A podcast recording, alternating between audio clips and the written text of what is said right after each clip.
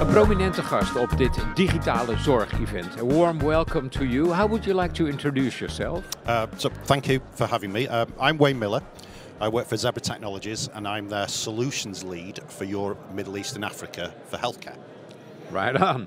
Um, if you'd not do this job, but let's say uh, be a prime minister, what would you do in this field? What would you like to change in this field?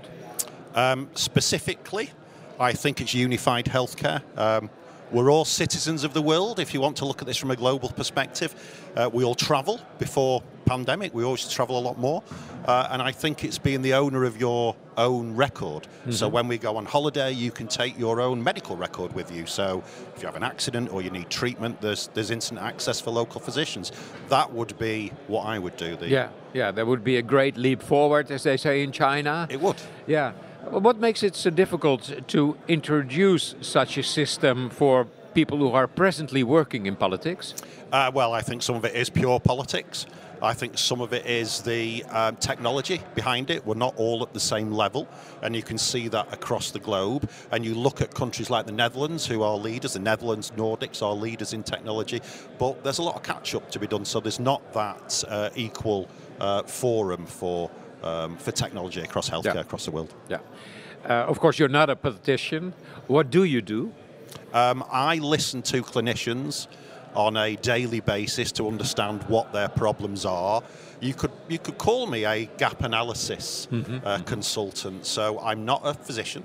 No. I'm not medically trained, but I have worked for Zebra for 23 years, and I'm an expert in track and trace and looking at uh, applications, looking at systems, looking at workflow, and analysing the gaps in yeah. that. Let's let's take a look uh, at one or two moments that you really learned something in your profession. Important moments, of course, because all of a sudden you see things in a different light. What was a special moment for you in terms of learning process? I think well, every day is a school day in healthcare. You're mm-hmm. always learning. Um, I think under, getting an understanding of blood transfusion was a real key moment. How important that is, and the two loops, the the two. Um, the, the two controlled loops between donation and transfusion was really important. When was that? Oh, that was roundabout. Uh, uh, that was about five, six years ago. Yeah. Uh, understanding the importance that um, the different blood types, the different blood components, and how I mean, it's obvious it's vital for life. Yeah. But what's not so obvious is the traceability required for uh, blood transfusion. So some components can't be frozen, some components have to be used in seven days. So the health of the donor is important, and it directly impacts the, the health of the recipient as well. So that was one of those big aha yeah. moments. Can you give me another example? Uh, I think um, coming to grips with the electronic medical record, mm-hmm. seeing the amount of data that you can actually grab. yeah. Uh, looking at that transition from handwritten records. So I'm, you know, I'm a child of the 60s, yeah. and there's been incredible change in technology. But I still see um, hospitals that have handwritten records, and then you see hospitals, and again, I'll refer back to the Netherlands, where you've got that the cutting edge of technology and the amount of information that's at the fingertips and how it helps patient care. Yeah. Is there a bigger difference between, let's say, the one or the other European country, or within individual European countries? No two hospitals are the same. Um, there is very few countries that uh, that, that, work on a um, a country basis, mm-hmm. and as you can tell, I'm from the UK, and we have the National Health Service, and it's often joked there's nothing national about the National Health Service. No. you go from one hospital to the next, and the functionality is different. even within a city. Even within a city, yeah. Uh, uh, I would say that. Um, Benelux region, the Nordics regions have, have got the right attitude towards it, mm-hmm. that they're moving along at a constant pace, and there seems to be a country approach to it. So yeah. there's difference between countries and difference within countries yeah. as well. how come there's not a real country approach in Great Britain? It's politics.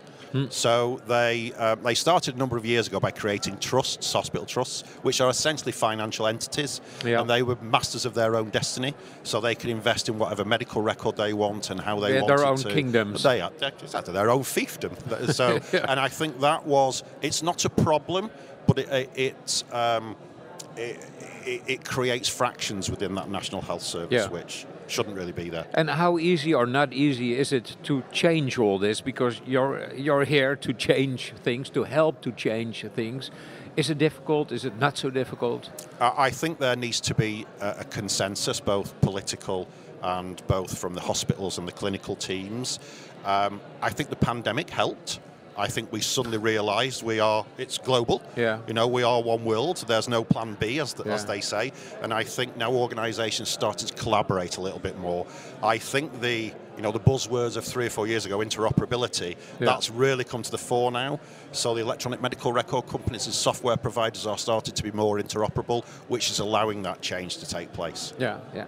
And what was a moment that you had the feeling that you contributed practically to a real change? Uh, I think it was the pandemic. For me, mm-hmm. um, we started to look at traceability of both testing kits and vaccines, and wonderful apps were suddenly written yeah. that had taken years to come to fruition, and that we can look at now. We can cross. We can't cross a border without that app. So I think the pandemic was unfortunately a catalyst for change yeah. and very quick change at that. Yeah, yeah. What annoys you? What would you like to change yesterday. y- yesterday. I-, I, would go back to the um, us owning our own healthcare record. I really would, the, where, where I started. I think um, as being a, a, father and a grandparent and going on holiday and taking your children, your grandchildren with you, as well as yourself, yeah. I think having access to medical records is a key thing. It's 2022. Yeah. You know, uh, I think that's what I mean, this is, this is a, a dad who's worried, huh? Yeah. A grandfather who's worried. Yeah, exactly. It's, and it's our medical record, right? It's our history. It does it belong to anybody else about, apart from us. So I think that would be incredibly useful. Um, unrestricted access to our medical records, yeah. I think is. Uh, what is your idea about how things will change in, let's say, three to five years? I think we're going to. So digitalisation yeah, is yeah. is the march of technology. It supports technology on the back of that.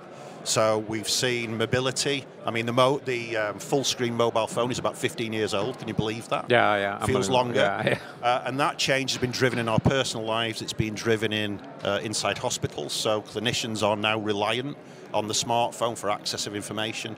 It also allows them to be more productive. They don't have to go to a you know a communal uh, personal computer to, to grab that information. Yeah, yeah. So I think it's digitalization and I think it's modern day technology that's really going to drive the next few years of, yeah. of quick change as well. What do you think that the great British author George Orwell would have thought about all this? Who um, he wrote in 1984. Well, leaving Brexit to one side.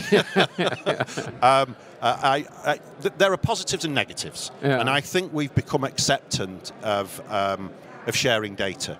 And when you ask somebody to to share data, um, they don't actually realise they're probably sharing more on social media than they are in their personal lives when they're being asked by their, mm-hmm. their medical record. So I think George Orwell had some things right, yeah. the likes of 1984. But I think in a modern day society, in a modern world that's ever changing, I think we need to share more data. It just needs to be done safe and the European Union, the GDPR legislation is the right move forward to protect our data within, yeah. you know, those uh, geographical boundaries. Yeah.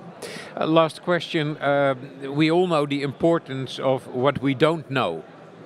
Uh, scientists, journalists, um, what they already know is not that interesting anymore. What don't we know? Uh, what is a thing that you would really like to know more about in this field? That you think, come on, I have to have that knowledge? Uh, data collection is part of it, but you can't just say data collection. I think understanding um, what, let's just think about nursing, what a nurse does on a daily basis. Yeah. How do we make them more efficient? How do we reduce stress for nursing teams? Mm-hmm, Nurses mm-hmm. are leaving the industry and yeah. we're finding it difficult to backfill them. So I, I think it's um, I think it's gathering information to improve patient care and to improve the life of nurses and clinical teams over the coming years. And that's without even touching treating mm. disease. That's just a very simple process of that nurse, uh, that nurse-patient interaction. Yeah, you want to know more about the human being nurse. We're people, people, right? Yeah. Thank you very much. You're Thank welcome. You. Yeah.